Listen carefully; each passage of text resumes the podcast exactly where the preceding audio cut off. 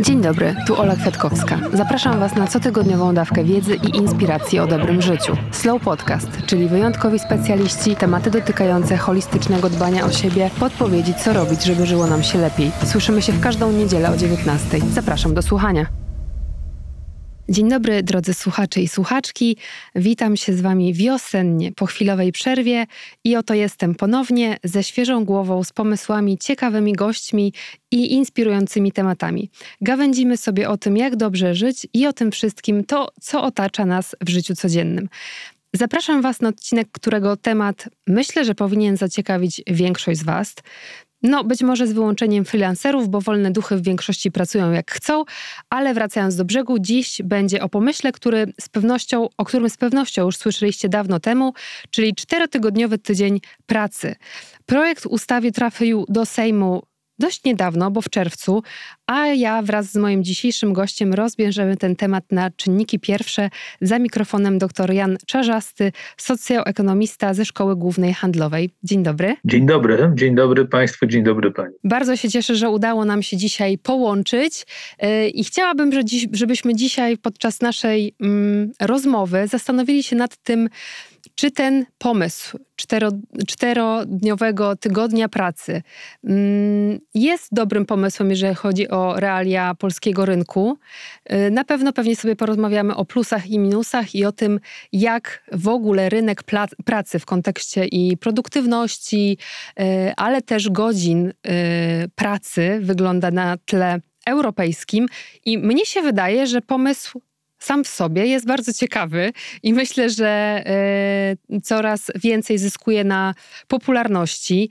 Y, I chciałabym się dzisiaj tak rzetelnie zastanowić, czy to rozwiązanie sprawdziłoby się w Polsce, bo wydawać by się mogło, że ten zamysł jest prosty. Pracownicy pracują o jeden dzień krócej, zachowują obecne wynagrodzenie, ale w tym wszystkim zakładamy ten sam nakład pracy co wcześniej. Więc wydawać by się mogło, że no w sumie układ idealny. Tylko idealny dla kogo? I czy w ogóle faktycznie idealny? Znaczy na pewno nie idealny, bo mówimy o rzeczywistości, czyli o czymś, co jest realne, a nie idealne. To jest bardzo ciekawy pomysł. Zresztą, jak popatrzymy sobie w takiej perspektywie szerszej, w takim szerokim planie historycznym, no to przecież zawsze żeśmy skracali czas pracy. I ludzie zawsze chcieli pracować krócej. W XIX wieku przecież normą był 14-godzinny dzień pracy, potem 12-godzinny, 10, potem na przełomie XIX i XX wieku socjaldemokraci i związki zawodowe walczyły o 8-godzinny dzień pracy, czyli no takie coś, co jest standardem obecnie, ale nad którym dyskutujemy. Czyli to jest jakby e, pewien trend, tak, który obserwujemy od prawie 200 lat skracanie czasu pracy, głównie dlatego, że wydajność tej pracy rośnie, a rośnie za sprawą technologii. Yy, I na pewno, na pewno yy, chcielibyśmy pracować mniej, to jest taki yy, punkt widzenia, który klasyczni liberałowie podkreślali, że praca to jest tak naprawdę w większości przypadków dla człowieka przykrość dlatego lepiej pracować krócej. E, ale to oznacza równocześnie, że wydajniej, bo musimy pogodzić dwa cele. Pracować tak. krócej, ale równocześnie osiągać e, założone cele. E, no i tutaj kłania się to, o czym pani powiedziała, czyli kwestia wydajności albo produktywności pracy jak ona jest produktywna, wydajna, to możemy sobie pozwolić na pracę krótszą. No właśnie, ja się tutaj, przepraszam, że wejdę słowo, ale zastanawiam się, bo y, doszłam do pewnych źródeł. Zresztą ja już o pracy i w ogóle o wypaleniu zawodowym w jednym z odcinków rozmawiałam z doktorem Rafałem Albińskim, więc ten temat pracy gdzieś tam widzę, że w moim podcaście wraca i jest chętnie słuchany. I mm, my, jako e, społeczeństwo polskie, jesteśmy chyba jednym z najbardziej zapracowanych społeczeństw, bo pracujemy ponad 40 godzin tygodniowo. Przynajmniej ja do takich źródeł dotarłam. Przed nami jest chyba tylko Grecja, o ile się nie mylę. Tak, i Korea. O, no tak, i Grecja i Korea. I teraz zastanawiam się, czy w takim ułożeniu, kiedy my mówimy e, o nas jako o społeczeństwie, które no pracujemy ponad te 40 godzin. Jak to w ogóle, a może jeszcze inaczej, jak to w ogóle wypada też na tle innych państw? Ten, ten, ta, ta, ta praca godzinowa? Czy my faktycznie jakoś bardzo się tutaj przestrzelamy, że to jest ponad 40 godzin, a w innych państwach to wygląda mm, zdecydowanie inaczej? To zależy y, po pierwsze, na jakie statystyki popatrzymy, czy właśnie na te statystyki godzinowe, y, znaczy w wymiarze tygodniowym, czy na przykład w wymiarze roku, tak jak to OECD robi. Y, druga rzecz, no, inne państwa.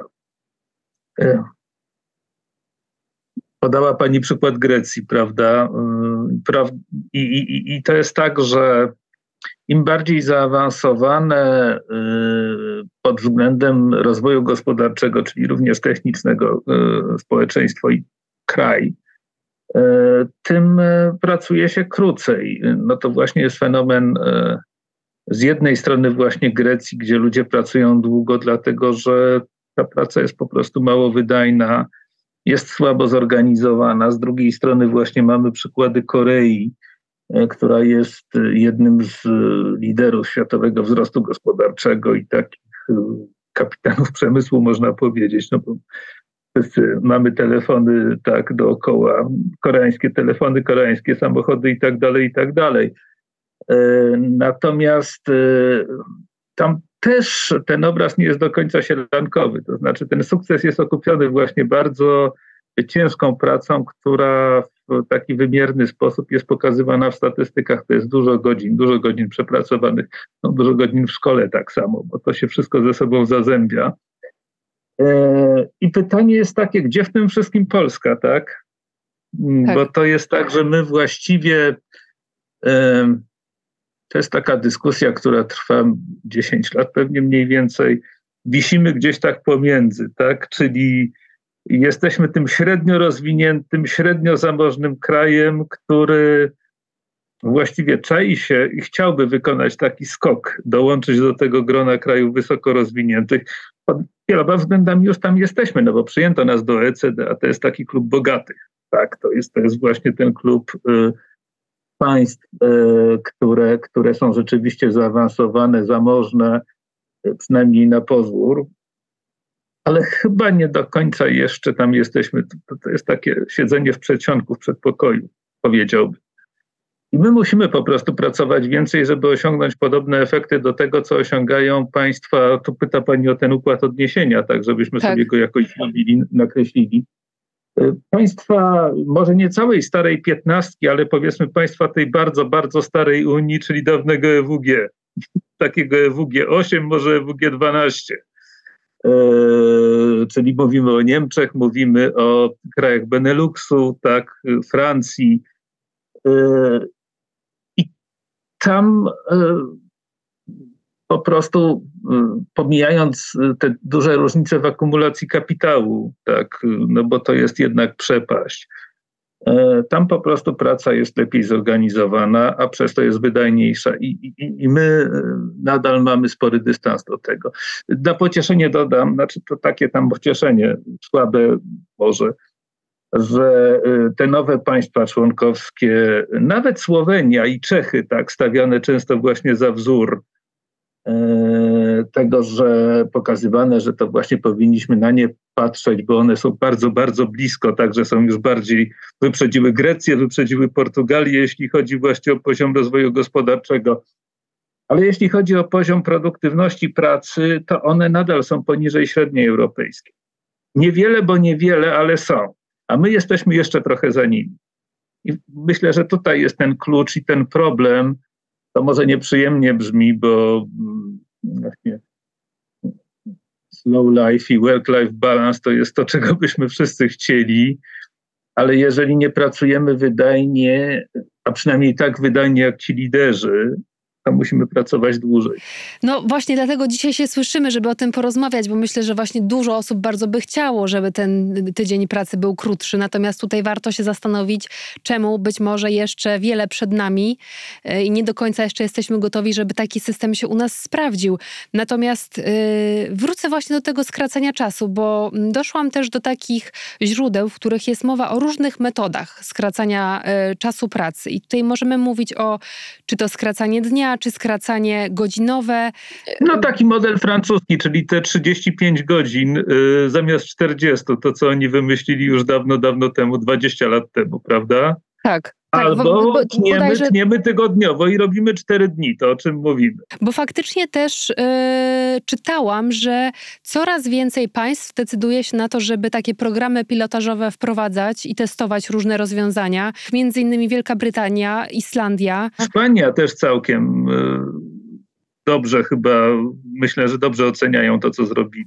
Dlatego też myślę sobie, że ten pomysł na pilotaż w naszym przypadku jest ciekawym pomysłem, no ale znowu musimy pamiętać, że Polska w kontekście produktywności no jest, tak jak pan zresztą powiedział, no troszeczkę jeszcze daleko za y, krajami, które są y, prowadzone podobne eksperymenty. Tak, to, to znaczy to nie jest jakiś taki ogromny dystans. Ja nie chciałbym, żebyśmy tutaj popadali w czarnowictwo, ale jeśli popatrzymy sobie w Eurostat, tak, chociażby w te dane, to mamy tę produktywność godzinową pracy nominalną w tej chwili ona wzrosła i to jest fajne, to jest pocieszające w ostatnich latach, ale nadal to jest jakieś takie plus minus 85% średniej. Tak jak powiedziałem, my nie odstajemy jakoś strasznie bardzo od tych y, krajów, nasz, innych krajów z naszego regionu, ale nadal y, no to jest poniżej średniej, nie mówiąc o tym, co, co osiągają, osiągają państwa, które przodują. Y, a eksperyment z pilotażem ja jestem jak najbardziej za, bo tylko w ten sposób, mówię tutaj jako, jako naukowiec, socjoekonomista, czyli reprezentuje nauki empiryczne, no to trzeba sprawdzić doświadczalnie. Jak najbardziej tak. Wrócę na moment do produktywności, bo kilka razy nam się to hasło już tutaj przewinęło w naszej e, rozmowie. E, I może to jest czas na pytanie, jak w tej chwili wygląda ta produktywność w Polsce. Bo nie wiem, czy nasi słuchacze Yy, mają tutaj pogląd na to, więc może warto się na chwilę przy tym zatrzymać, żeby troszeczkę dać taki szerszy obraz, o czym my w ogóle dzisiaj rozmawiamy.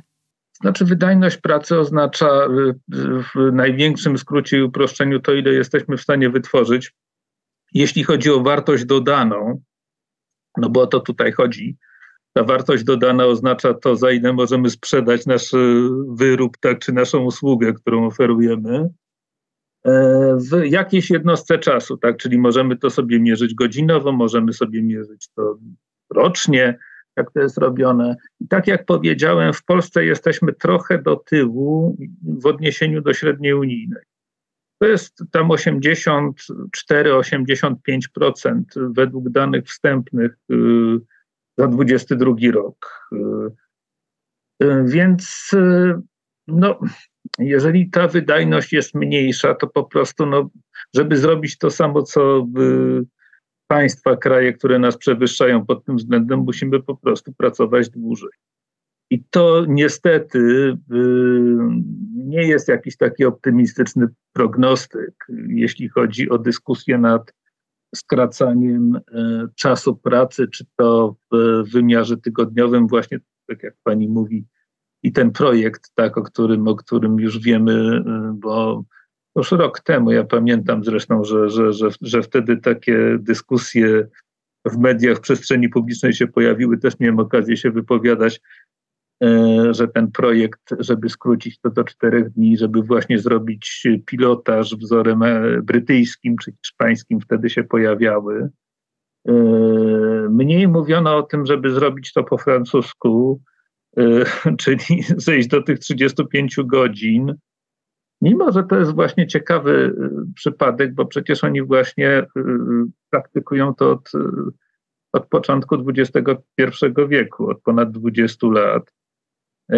No z drugiej strony oni mają swoje problemy inne, wiek emerytalny, to w jaki tak. sposób to podwyższenie wieku emerytalnego wprowadzono, jak społeczeństwo się do tego odnosi, a z drugiej strony w jakim faktycznie wieku Francuzi przechodzą na emeryturę, jest pewnie trochę szokujące nie tylko dla nas, ale na przykład dla ludzi z krajów, e, mieszkańców krajów skandynawskich, takich jak Finlandia, gdzie przecież mamy 67 lat i dyskusję o tym, żeby podnieść do 70. To tutaj muszę zadać pytanie, jakie jest we Francji, bo przyznam szczerze, że nie wiem. I przyznaję się do tego, że nie wiem.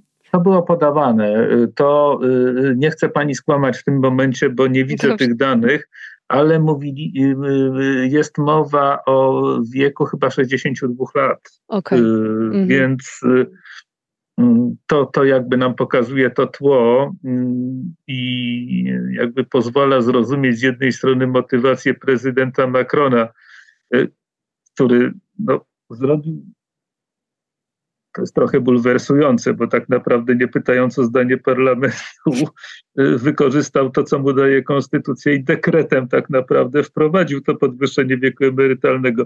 To jest niesamowite na swój sposób, kiedy sobie po, przypomnimy, jak to wyglądało u nas te 10 y, lat temu mniej więcej, kiedy, kiedy rząd y, Donalda Tuska podjął tę decyzję o podwyższeniu wieku emerytalnego i, i, z jakimi protestami się to spotykało, a mimo wszystko to przeszło przez parlament. Tak. Y, a tutaj Francja robi tak, jak robi. No to jest y, na swój sposób, znaczy jest to bardzo ciekawe, zabawne, ale też pokazuje, że mm, taka sytuacja, kiedy mówimy w ogóle o tym, czy mamy pracować więcej, czy mniej, dłużej, czy krócej, ona jest bardzo taka wieloaspektowa i złożona. To nie jest tylko kwestia tego, czy będziemy pracować te 4 dni w tygodniu, e, czy 35 godzin zamiast 40. To był pomysł we Francji zresztą socjalistów, ale rządy prawicowe e, po tym, jak to się, że tak powiem, zagnieździło, e, stwierdzili, stwierdzili członkowie rządu, że mm, o ile sami osobiście mogą się z tym nie zgadzać, bo to jest sprzeczne z ich poglądami, tak, poglądami politycznymi, to mimo wszystko po dwóch dekadach wycofywanie się z takiego rozwiązania jak ten 35-godzinny dzień pracy będzie gorsze niż na przykład przywrócenie tego do, do poprzedniego poziomu. Tak, dokładnie na te same słowa e, trafiłam właśnie przygotowując się do naszej rozmowy a propos Francji i zastanawiam się też tutaj e, właśnie rozmawiając o tym krótszym tygodniu pracy, o jakich potencjalnych wyzwaniach tutaj zarówno dla pracodawców, jak i, jak i pracowników też możemy rozmawiać, bo większość osób myślę, że rozpatruje to w takich kategoriach, mm, tak jak wspomniałam na początku, gdzieś ten temat, mm, popularność tego tematu wzrasta i y, to się wydaje takie idylliczne, tak, że to, nagle cztery dni pracy i będą same plusy y, tego rozwiązania, natomiast y, domyślam się, że pewnie jakieś wyzwania za tym idą i o jakich takich bardziej ogólnych tak naprawdę tutaj wyzwaniach możemy Mm, potencjalnie myśleć. W naszym polskim kontekście, tak? Tak, tak, jak najbardziej. No to niestety tutaj muszę y, powiedzieć coś, co chyba będzie przykre i zazgrzyta w naszych uszach, zresztą moich też, y, bo y, wychodzi na to, że przy tej naszej wydajności pracy, o której już sobie powiedzieliśmy, która no nie jest nadzwyczajna, chociaż nie jest też tragiczna, ale chyba będziemy musieli pracować co najmniej tyle, ile do tej pory, a może nawet dłużej. A dlaczego? E, wynika to przede wszystkim z efektów inflacji. E, GUS ostatnio podał dane za 22 rok i to jest naprawdę bardzo, bardzo niepokojące, bo wychodzi na to, że pierwszy raz od mniej więcej 10 lat nasze wynagrodzenia realne spadły. I to, e, i to jest naprawdę przykre. Mhm. Y, a co to oznacza? To oznacza, że musimy po prostu, żeby zarobić realnie tyle samo, pracować więcej. Tak. E, więc to jest coś takiego, co część ludzi tego nie dostrzega. No to niestety jest ten dramat, y, y, powiedzmy, pewną ignorancją ekonomiczną dotyczącą tych pewnych podstawowych procesów, które mają wpływ na życie każdego z nas nominalne wynagrodzenia rosną, y, płaca minimalna rośnie, tak? Y, y, mamy do czynienia z polityką społeczną, która no, promuje rozwiązania typu 13 czy 14 emerytura, które przecież tak naprawdę nie są emeryturami, to są pewnego rodzaju nazywając rzecz po imieniu, zasiłki dodatkowe, które są, pod, bo to jest jakby taka, taka y, y, decyzja, decyzja państwa y, o tym, żeby dofinansować emerytów, abstrahując już od tego oczywiście, czy oni tego potrzebują, bo potrzebują, ale, ale nazywanie tego emeryturą dodatkową jest trochę takim zakrzywianiem rzeczywistości. Więc nominalnie to rośnie, mamy więcej pieniędzy na kontach w portfelu, tylko niestety możemy za to mniej kupić. I, i, i 22 rok pokazał to w całej swojej okazałości. I druga sprawa, o której chcę jeszcze tutaj wspomnieć, też przykra, to jest niski poziom inwestycji w naszej gospodarce, które poleciały dramatycznie. To jest to, to, też dane za 22 rok, to jest niespełna 17%. To nie wystarczy do tego, żeby mówiąc takim starym językiem, który y, ludzie w moim wieku i starsi zrozumieją tak zwane gonienie Zachodu, to nie wystarczy do gonienia Zachodu te 17%. To powinno być 20, 10% więcej co najmniej. Y, y, I miało być więcej, takie były plany, y, taki, takie, takie wizje roztaczał premier Morawiecki strategii odpowiedzialnego rozwoju, kiedy mówił o 25 do 30%. A przypomnijmy, że w 2015 roku, czyli powiedzmy punktem odniesienia, kiedy, kiedy nastąpiła zmiana władzy, ten poziom inwestycji to było 20%, troszeczkę powyżej 20%. Mhm. Niewystarczająco, ale mimo wszystko więcej niż dzisiaj. Czyli jak dodamy do siebie inflację i niski poziom inwestycji, a bez których gospodarka się nie może rozwijać, unowocześniać, no to to nie wygląda dla nas dobrze w kontekście, w kontekście tego, ile będziemy pracować. To ja może trochę y, y, y, wyjdę z tego, bo tak się zrobiło bardzo pesymistycznie, natomiast rozmawiamy o realiach. Chciałam jeszcze zapytać o, teraz myślę, że bardziej tutaj w kontekście tych innych państw, w których ten program pilotażowy już jest. Czy są jakieś branże, w których z pewnością, no może nie z pewnością, ale jakby możemy się domyślać, że ten krótszy tydzień pracy by się sprawdził, a są branże, których absolutnie gdzieś tam no nie, nie możemy o tym myśleć, bo wiemy, że to się od razu skończy fiaskiem i nie ma opcji, żeby ten tydzień pracy był krótszy. To znaczy tak, y, po pierwsze w Wielkiej Brytanii wielce sobie chwalą wyniki tego eksperymentu, o którym powiedzieliśmy, ale tam ta próba została dobrana w taki, yy, dlatego no warto z uwagą patrzeć na efekty tego, tego, tej próby. Yy, ta próba przedsiębiorstw była zróżnicowana, czyli były tam różne branże. Yy, natomiast nawet yy, nie znając ich, można oczywiście powiedzieć, że właściwie w ciemno, tak, że skracać czas pracy w tym czysto nominalnym wymiarze można tam, gdzie, e, gdzie występuje efekt dużej wartości dodanej. Czyli mówiąc, przepraszam za taki banał, ale to jest właśnie ludzie, którzy pracują w IT. To nieważne, ile oni pracują, tak? Ważne, co zrobią. Tak. E, to samo dotyczy innych branż, w których i innych rodzajów działalności, zawodów, prac, w których ludzie, mówiąc krótko, pracują, pracują intelektualnie y, i y, rezultaty ich pracy nie są zależne wprost przynajmniej od tego, y, ile czasu oni poświęcą na wykonanie zadań, które są im przypisane. To nie chodzi przecież tylko o informatyków, Mówimy tutaj o prawnikach, mówimy tutaj o księgowych, którzy mogą to samo wykonać w 12 godzin albo w 6. Tak? To wszystko zależy od tego, jak y, dobrze mają przygotowane zaplecze pracy, jak, jak, jak, jak dobrze sami zarządzają własnym czasem. Y, więc zdecydowanie te branże, te rodzaje działalności i zawody, gdzie mamy do czynienia z wysoką wartością dodaną, ale również y, tam, gdzie nie ma tak dużej presji pracy zespołowej. No bo jeżeli mhm. wyobrazimy sobie wielki zakład przemysłowy, a niezależnie od tego, jak wygląda nasza gospodarka dzisiaj, że ona jest y, serwicyzacja, tak, y, i, i z, udział sektora usług jest coraz większy. Y, to przemysł w dalszym ciągu dostarcza wielkiej części PKB, a produkcja przemysłowa no, nie, od, nie odbywa się indywidualnie, nie odbywa się w małych zespołach, no, inaczej by, byłaby to rzemieślnicza produkcja.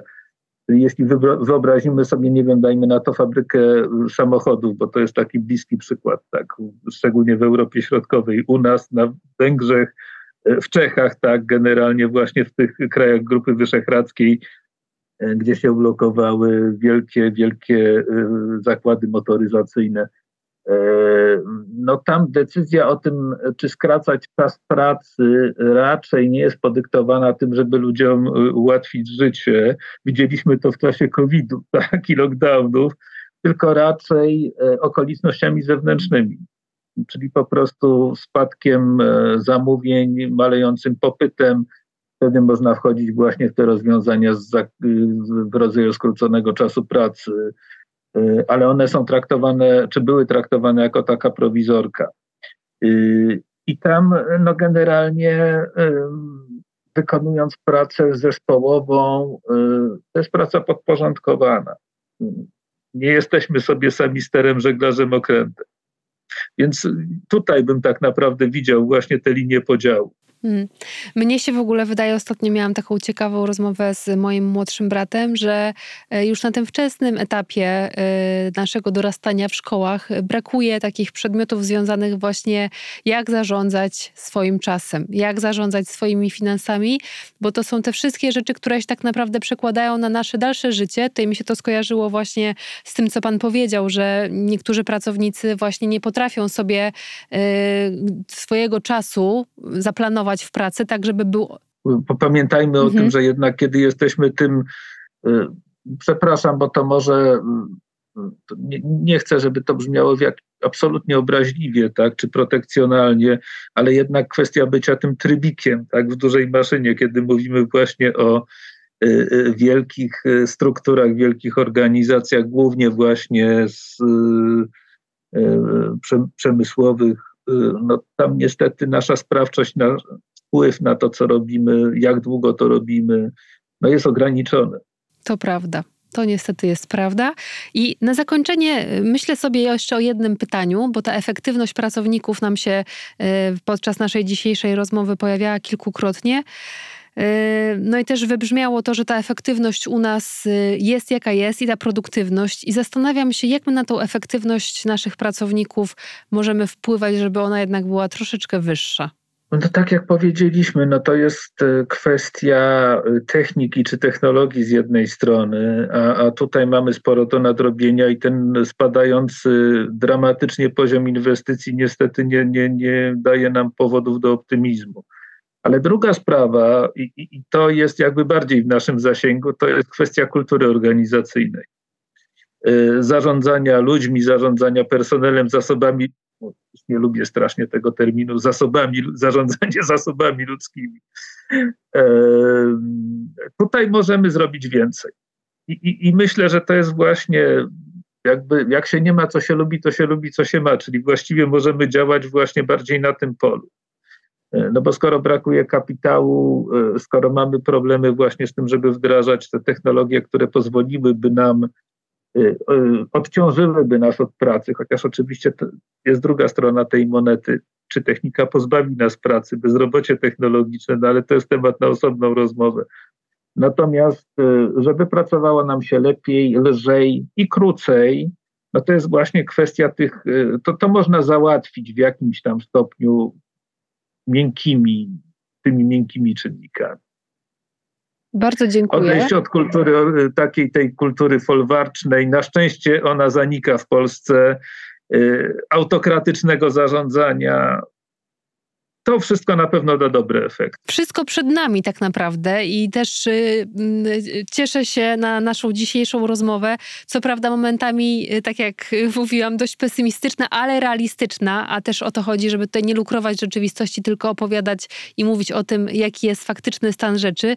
Więc bardzo za to dziękuję i y, mam nadzieję, że być może do usłyszenia za czas jakiś, kiedy ten program pilotażowy y, u nas zostanie wdrożony wtedy będziemy mogli porozmawiać na większych konkretach i zobaczyć, jak to się faktycznie u nas sprawdziło albo nie sprawdziło, kto to wie. Jestem bardzo ciekawy, jak to będzie wyglądało. Także tak, liczę, że porozmawiamy po tym, jak już zobaczymy pewne fakty, pierwsze efekty tego. Bardzo dziękuję i do usłyszenia w kolejną niedzielę o godzinie 19. Bardzo dziękuję.